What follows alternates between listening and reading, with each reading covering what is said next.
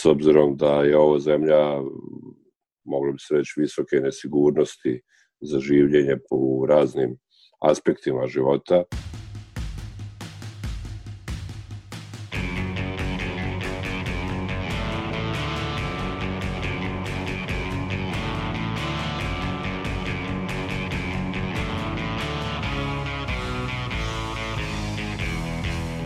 Slušate podcast i nezavisnog društva novinara Vojvodine. Moje ime je Iva Gajić, a na podcastu rade i Aleksandra Bučko, Sanja Đorđević, Irena Čučković i Nemanja Stevanović. Praznici su nam sve bliži, ali u novoj stvarnosti fokus nam je pomeren na druge stvari – Umesto priče o nove godini u doba korone, odlučili smo da poslednju epizodu u 2020. godini posvetimo novom fokusu u kojem se pojedine novinarke i novinari nalaze. Našim koleginicama i kolegama novinarima koji su u poslednje vreme sve više na udaru pretnji. Prva stvar koje mladi novinari i novinarke moraju da znaju jeste da svaki njihov rad treba da bude potkrepljen činjenicama ali nije sve to tako prosto kao što bi trebalo da izgleda. Šta se dešava kada novinarke i novinari objave te činjenice? U zavisnosti od portala na kojima rade i koje teme obrađuju, dobijaju prednje od onih kojima se te činjenice ne dopadaju, a neretko se plasiraju dezinformacije o njima ili redakciji. Tako je poslednji mesec u 2020. godini označio još jedan napad na člana naše profesije. Početkom decembra na privatni Twitter nalog Mirice Šarić, glavne urednice Centra za istraživačko novinarstvo Srbije CINS, stigle su pretnje. Kolega Nemanja Stevanović razgovarao je sa Miricom. Nemanja, šta se tačno desilo? Tako je Iva. 2. decembra na Twitter profilu Milice Šarić našla se poruka jednog Twitter korisnika koju je mizogino i seksistički vređao i rekao da im se bliži kraj. Istog dana na Cinsovom Facebook nalogu javila se osoba kojih je nazvala Soroševim plaćenicima, rekla da će ih stići pravda i dodala da ima još njih budnih, sugerišući da ima još onih kojima smetaju pisanja ovog istraživačkog medija. Kako za podcast reaguj navodi Šarić, ovo je prva pretnja smrću njoj, a i prva pretnja koju je Cins dobio posle nekoliko godina. Naša sagovnica dodaje da se često dešava da ih nazivaju izdajnicima, plaćenicima, ali da je ovo prvi put da im neko preti direktno. Zato je glavna urednica Cinsa zajedno sa svojim timom odlučila da podnese krivičnu prijavu protiv ovih ljudi. Znači, ne bih žela da ispadne da mi smatramo sebe bitnijim od građana. E, ne bih žela da ispadne da sam ja važniji od Cinsa ili da je Cins važniji od bilo koga kome se preti. Naprotiv, smatram da svaka pretnja mora da se sankcioniše, da ljudi koji čine takve pretnje, bez obzira što je to na društvenoj mreži, treba da im se stavi do znanja da to nije dopušteno i da, da će biti sankcionisano takvo ponašanje iz prostog razloga što će ti ljudi onda da se osile i mnogi drugi će da se osile da smatraju da ništa se ne dešava, nema nikakve sankcije, ok, ajmo sad svi lepo da pretimo, pa možda i da udarimo malo tog novinara, što da ne, ili nešto gore. Uh, međutim, potpuno se slažem da uh, mi kao novinari treba da budemo, da zaslužujemo veću pažnju i da zaslužujemo vrlo brzu reakciju MUPA i brzu reakciju tužilaštva i da zaslužujemo svi do jednog koji smo napadani već godinama, kolege, uh, uh, neke kolege mnogo više naravno od nas, da zaslužujemo svi do jednog da dobijemo uh, nekakvo razrešenje tih situacija, nekakva hapšenja da se dese, neki ljudi da odgovaraju na bilo koji način, da odgovaraju za to što rade. Jer ovo je sada prevršao svaku meru, čini mi se da sve više takvih pretnji imamo, da se ljudima vrlo e, neposredno radi o, o životu, odnosno čini mi se da da sve, vi, sve smo manje manje bezbedni, eto, ukratko. Ovaj napad na urednicu i redakciju CINSA usledio je nakon objave istraživanja o povezanosti kampanje za bojkot izbora u junu ove godine i čelnika opozicije. Ipak neki koleginici i kolegije kritikovali su redakciju Centra za istraživačko novinarstvo Srbije, optužići ih da nesvesno rade na odbrani vlasti, jer o opoziciji pišu u lošem svetlu, a time su stvorili mogućnost da se šire dezinformacije o novinarima ovog istraživačkog medija. Ipak, nezavisnost medija, standardi i činjenice koje su u odbrani javnog interesa građanki i građana Srbije treba da budu putevi kojima novinari treba da idu. Srstavanje u neku političku kolonu u javnom prostoru novinarima donosi napade, ali dešava se i da kada se objave činjenice, dolazi do napada iako se štiti javni interes. E, nažalost, e nas svi srstavaju na jednu ili drugu stranu i da imaju ljudi predrasude o, o novinarima generalno, ali ajde sad, bavimo se, ja pričam o CINS-u, imaju predrasude o tome s čime se CINS bavi, čime CINS treba da se bavi, e, kako mi radimo svoj posao, kako ja radim svoj posao kao urednica. Mnogi smatruju, na primjer, da daju sebi za pravo da kad vide moju sliku i, i shvata da zapravo sam, ta, tako reći, mlada osoba, daje sebi za pravo da mi prebaca to što nemam dovoljno životnog iskustva. Niko od njih ne ulazi zapravo u moje ili cinsova postignuća. Niko od na, njih ne uzme tekst i pročita ga od početka do kraja. Niko njih ne zna koliko, sam, koliko smo mi tekstova objavili u vezi sa čime. To su ljudi koji čitaju naslove, ljudi koji čitaju eventualno sažetak i ljudi koji negde uh, u javnosti ili na Twitteru ili na Pinku, zavisi, uh, zavisi prosto koja je ciljna uh, grupa, uh, smatruju da znaju sve o nama, a u stvari ne znaju ništa. I to je ono što mi pokušavamo stvarno, bez ikakve sujete, pokušavamo ljudima približimo šta je CINS, čime se mi bavimo i koje su naše profesionalni standardi. Osim napada na društvenim mrežama, dešavaju se i indirektni i direktni napadi na novinare. Jedan od poslednjih slučajeva je i slučaj urednika Vojsa i dugogodišnjeg novinara Dinka Gruhonjića, na čijem ulazu u zgradu su osvanuli grafiti. Kako kaže, ovo je bio način da osobe koje su uradile grafite pokažu da znaju gde on živi, ali i da upozore da svašta može da mu se desi. Pa mislim da se osjećam ugroženije nego prosječni građani Srbije koji se takođe osjećaju ugroženi.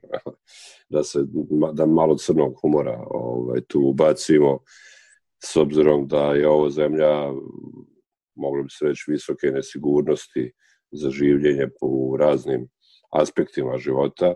Ovaj, a što se tiče ovih pretnji, ovaj put su nezgodnije za nekoliko nijansi zato što e, nije ni malo prijatno kad vam neko na ulaznim vratima u zgradu u kojoj, u kojoj živite sa porodicom napiše da treba da se selite i da vas etnički vređa ili već e, u svakom slučaju da vam poruči da, e, da znaju gde živimo ovaj, i da jel, samim tim može svašta da, da, da, da nam se desi. Jel. Tim je nezgodnija stvar zato što upetkana i porodica koja nema ništa, nikakve veze s tim, sa poslom kojim se ja bavim. Uh, ja svoje tekstove takođe potpisujem punim imenom i prezimenom, uh, za razliku od ti bitangi koje vrebaju iz mraka, kreću se u čoporima i naravno anonimni su.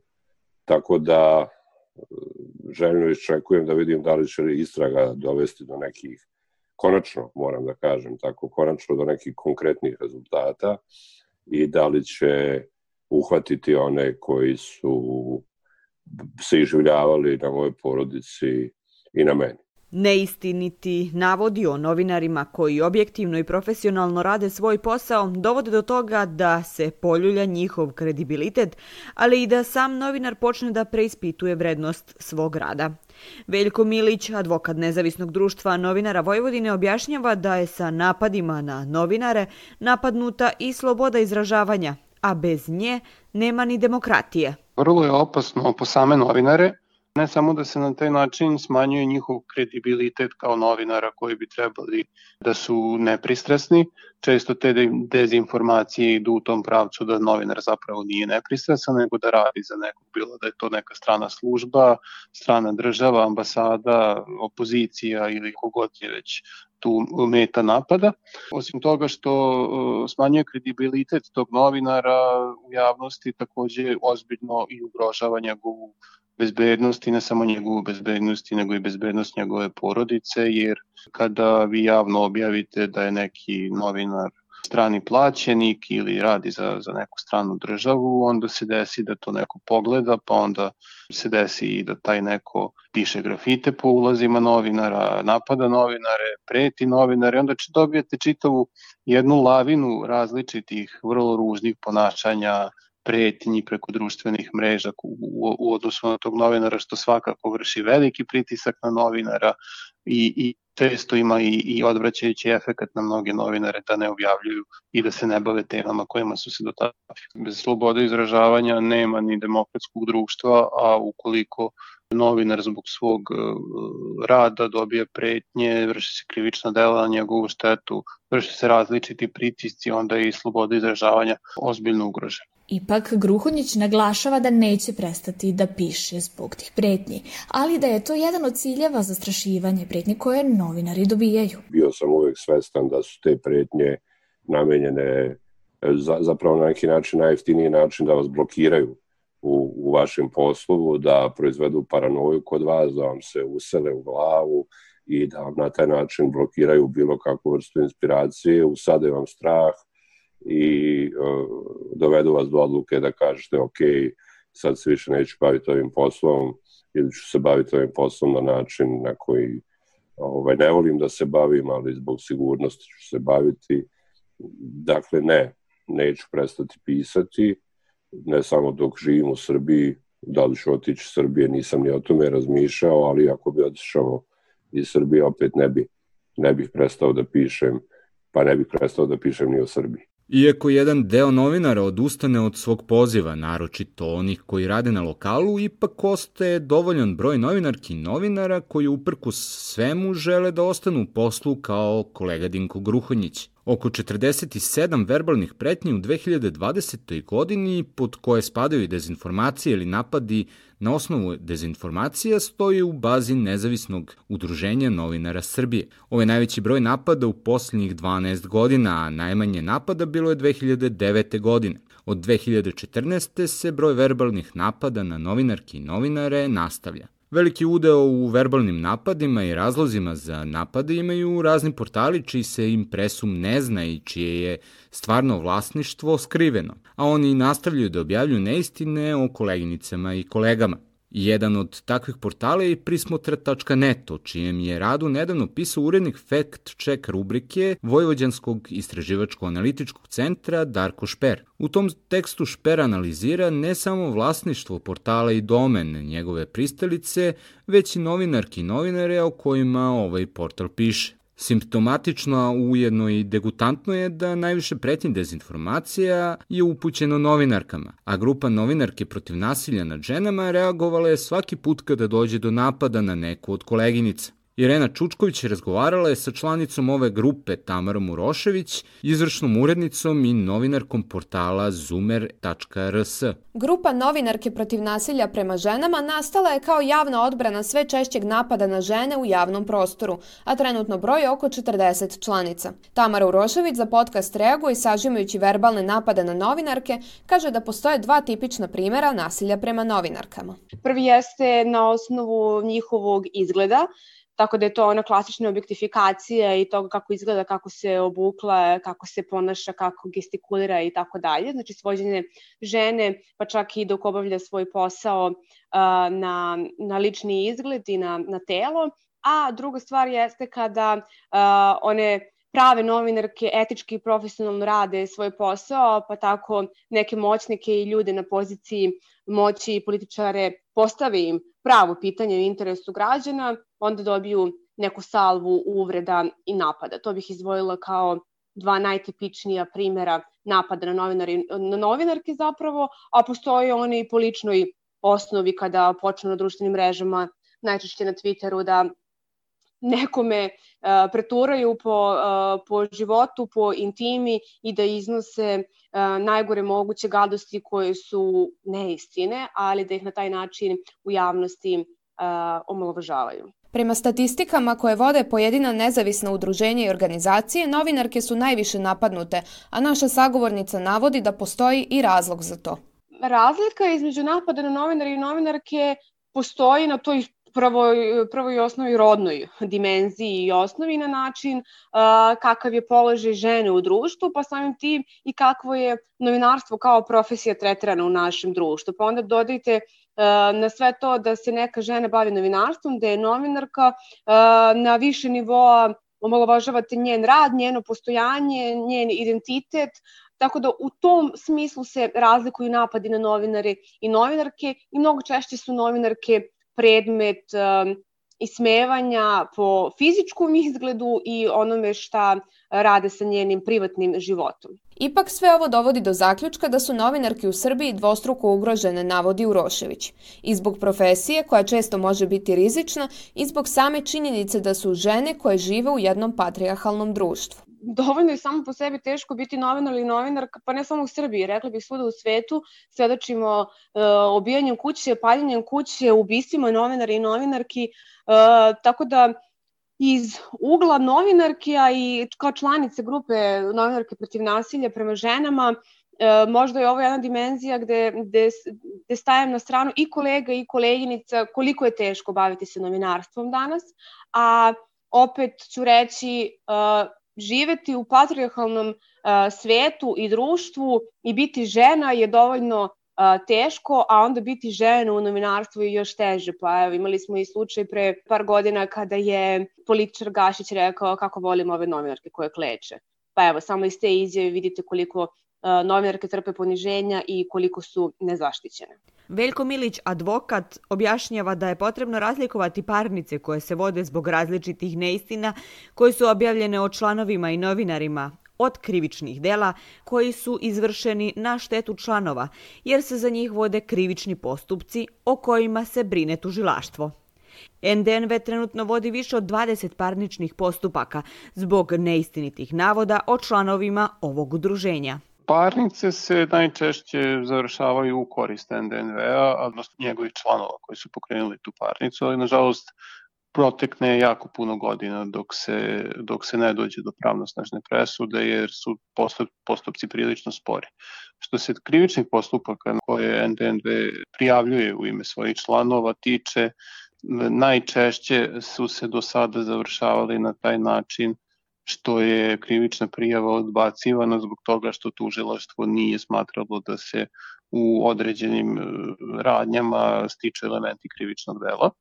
E, takođe, e, postoje postupci gde tužiloštvo zaista i postupalo, znači nije odbacilo krivičnu prijavu i najčešće se takvi postupci završavaju na taj način što tužiloštvo ili primeni institut odlaganja krivičnog gonjenja gde okrivljeni uplati određeni iznos humanitarne svrhe, tužiloštvo odbaci krivičnu prijavu ili je tužiloštvo pristupalo zaključenju sporazuma o priznanju krivičnog dela, gde zaista učinilac krivičnog dela i biva e, osuđen sudskom presudom, ali se ne vodi onaj klasični postupak pred sudom. Današnju situaciju mnogi upoređuju sa 90. godinama. Dinko Gruhodnjić je mišljenja da su uzrok današnjeg režima i odnosa prema novinarima upravo te 90. godine kada je, kako kaže, sve počelo. Ipak ne želi da uporedi to vreme sa bilo kojim vremenima posle toga jer su, navodi, ta vremena bila, tako reći, neregularna. Ratovi, etnička čišćenja, genocid, stradanja, sankcije.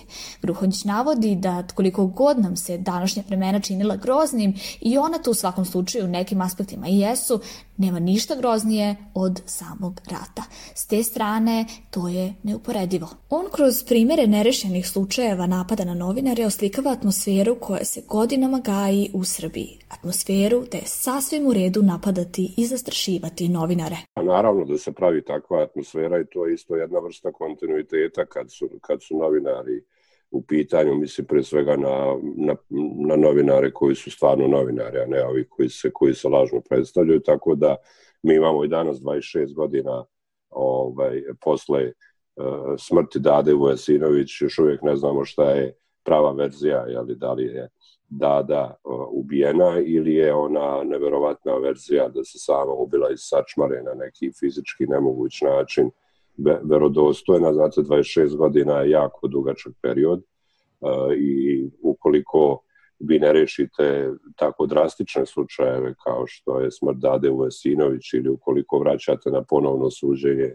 ovaj, uh, uh, one koji su osuđeni za ubistvo Slavka Ćuruvije ili ukoliko se još uvek ne zna ko je ubio Milana Pantića ili ukoliko se još uvek ne zna ko je bacio bombe na Sims prozora pokojnog Dejana Anastasijevića i gomila, gomila drugih stvari, ali kojima su novinari bili, bili izloženi, onda je to potpuno jasna poruka da je nasilje nad novinarima nekažnjivo i da je, ako je nešto ne, nekažnjivo, onda je prihvatljivo. To je vrlo jednostavna, vrlo jednostavna računica. Ako ne kažnjavate zločine bilo koje vrste, vi ih podstičete i na taj način zapravo dokazujete da je ta čuvena vladavina prava da ne postoji i da je demokratija u Srbiji na vrlo niskom nivou razvoja. Nezavisno udruženje novinara Srbije nastalo je 1994. godine kada je grupa novinara shvatila da ih tada reprezentativno udruženje na nivou Srbije, Udruženje novinara Srbije, ne predstavlja na pravi način i optužuje na osnovu neistina kao i tadašnja vlast. Sličnost, ali i veliku razliku u odnosu na 90. vidi i predsednik NUNSA Željko Bodrožić. U takvoj atmosferi novinar teško može da dođe do pravde jer nailazi na nekoliko čeličnih zidova u samom procesu. Gledajući ovaj, dosadašnju praksu, prilično tanke su vam e, šanse, zato što već na prvom koraku počinje izvlačenje pre svega tužilaštva koje tu ima najveću moć i najviše instrumenta u svojim rukama da nekoga ko takve stvari radi privede pravdi. I onda već imate tu kod tužilaštva prepreku da li oni žele da uzmu predmet, jer jako je ovaj, visok njihov prag, odnosno lečicu tu koji su postavili veoma visoko za, da bi oni ušli u predmet i da bi neke reči, rečenice protumačili kao ozbiljnu pretnju ili ozbiljnu ovaj, uvredu za nekog ko je prozvan novinar. Često policija ne želi da preduzima mere na otkrivanju počinilaca, a tu se mi nalazimo i između tog ping-ponga koji često igraju policija i tužilaštvo prebacujući odgovornost jedni na druge.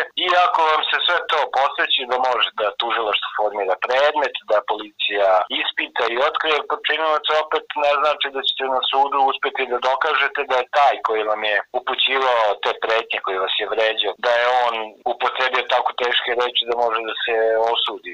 U suštini u ovom pravnom sistemu, našem pravosuđu je jako teško doći do pravde ako ste žrtva nekih botova koji su sakriveni iza lažnih imena ili ako ste žrtva te neke koordinirane akcije i političara i njihovih sledbenika na društvenim mrežama. Iako u medijskoj sferi postoje više udruženja koje štite profesiju, ne reaguju svi isto kada su u pitanju napadi na novinarke i novinare.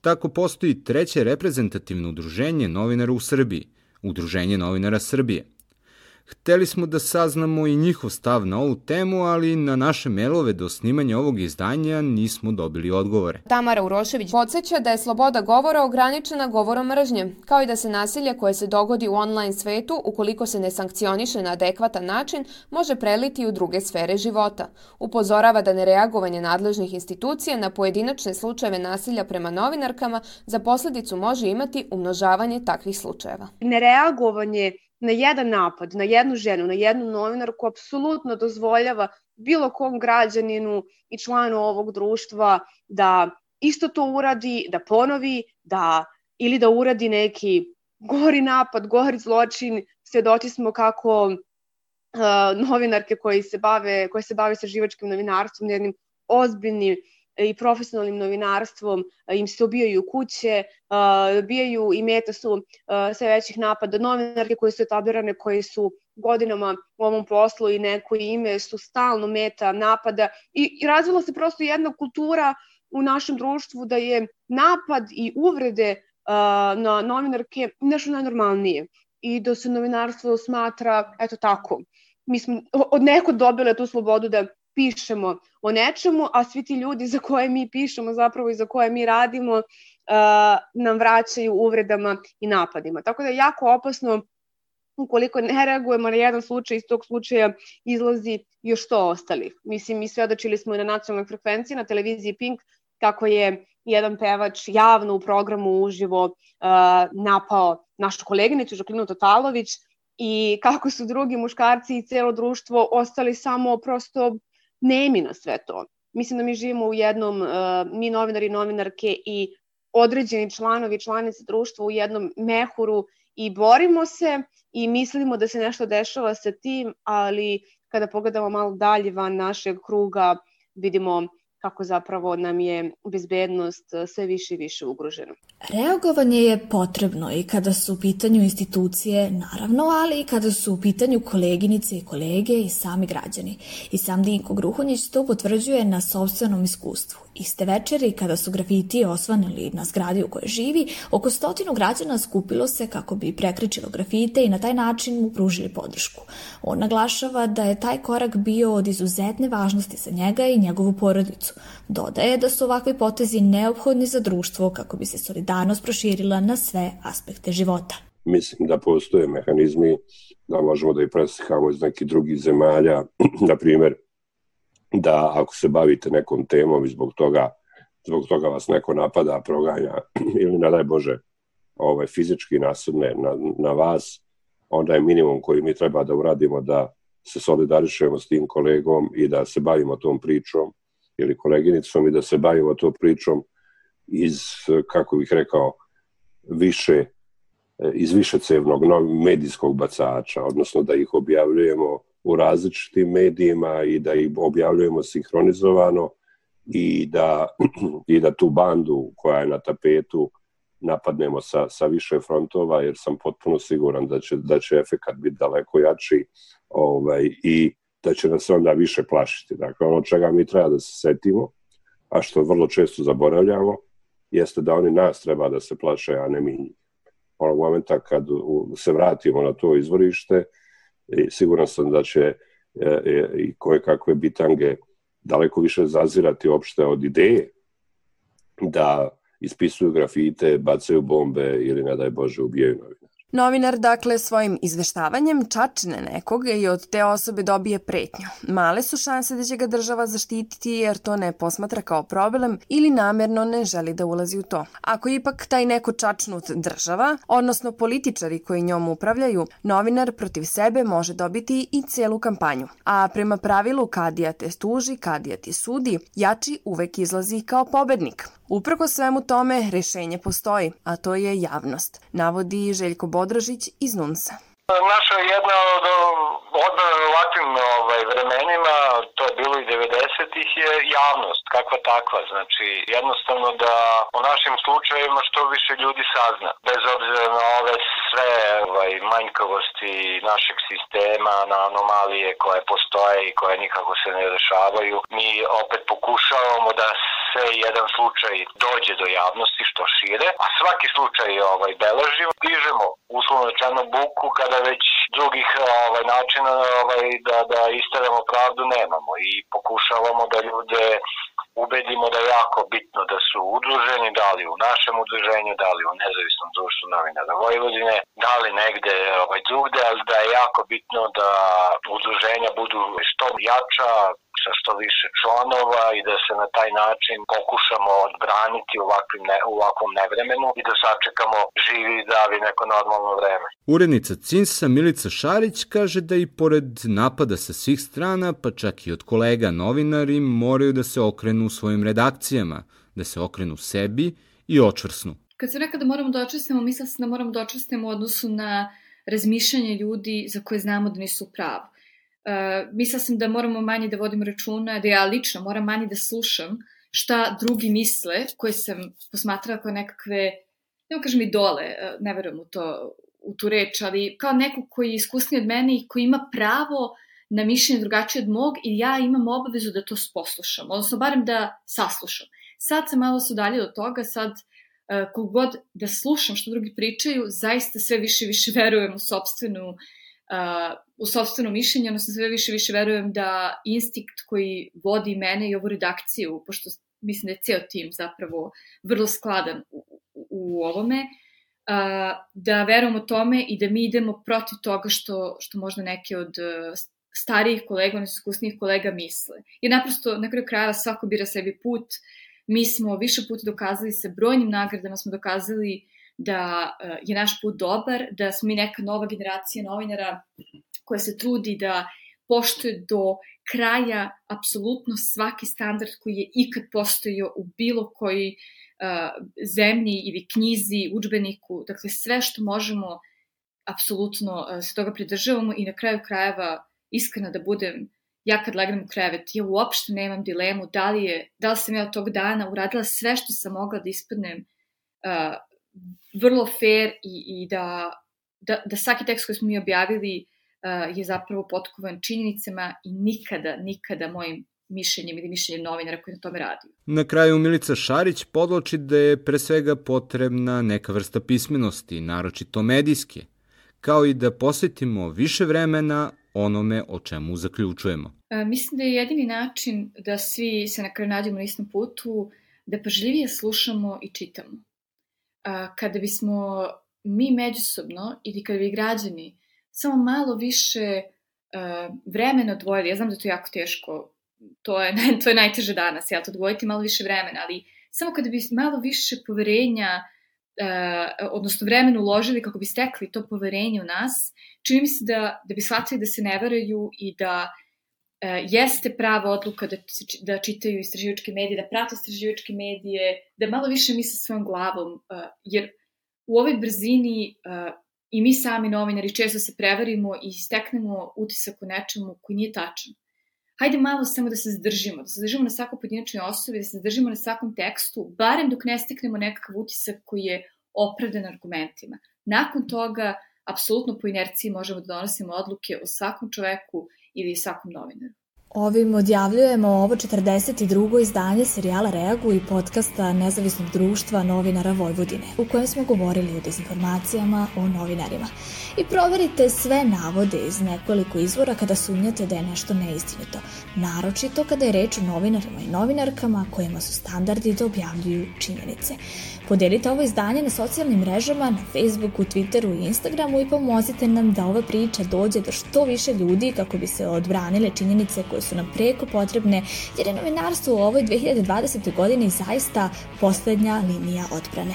Čekamo vaše komentare, ideje i predloge tema i to na adresi podcast.ndnv.org. Slušajte nas na iTunesu, Stitcheru, Castboxu, Sounderu, Google podcastima, kao i na sajtu podcast.rs. Ukoliko želite da nas podržite, uradite to baš šerovanjem, komentarom, deljenjem svoje priče ili preko sajta donations.ndnv.org.